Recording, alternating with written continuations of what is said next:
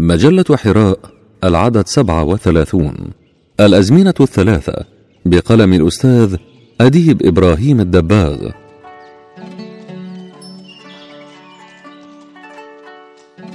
حين يذوي ربيع قلوبنا وتذبل أزاهير أرواحنا وتجف سواقي عيوننا وتقفر أيام حاضرنا وتكثف ظلمة ليلنا وينقض سامرنا وتطوى سجادتنا. نمد أيادينا لأيام ماضينا. نقتطف منها الذكريات. ننعش بها خيالنا. نشرب من ينابيعها. نثمل. ننتشي. نطرب. نتملاها. نجتلي جمالها. نحياها من جديد. نستنشق عبيرها. نعانقها. نحتضنها. نسر بها أرواحنا. نضاحكها. نمازحها. نولج ذاتنا في ذاتها وأيامنا في أيامها ثم ننظر في مرآة الزمن فتلتاث علينا الصور فلا ندري أنحن هي أم هي نحن.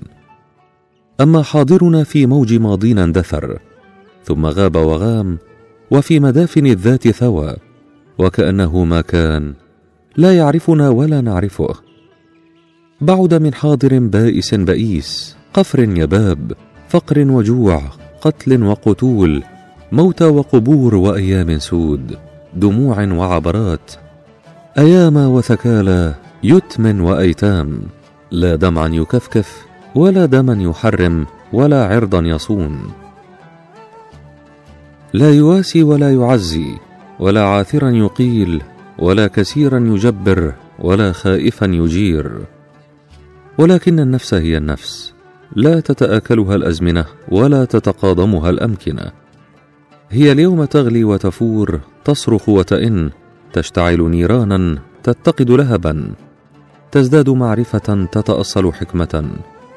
تغالب اليأس تبتعث الرجاء. يتقوى نضالها تشتد عزيمتها.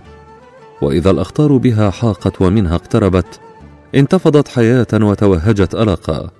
ونادت وقالت أنا ابنة العليين الآتين من قمم الغيوب خارقة الأزمان صانعة المستقبل أسرع إليه أصوغه إلهي النشأة عبقري البنيان شامخي الصرح سماوي الأفق خلودي الزمان.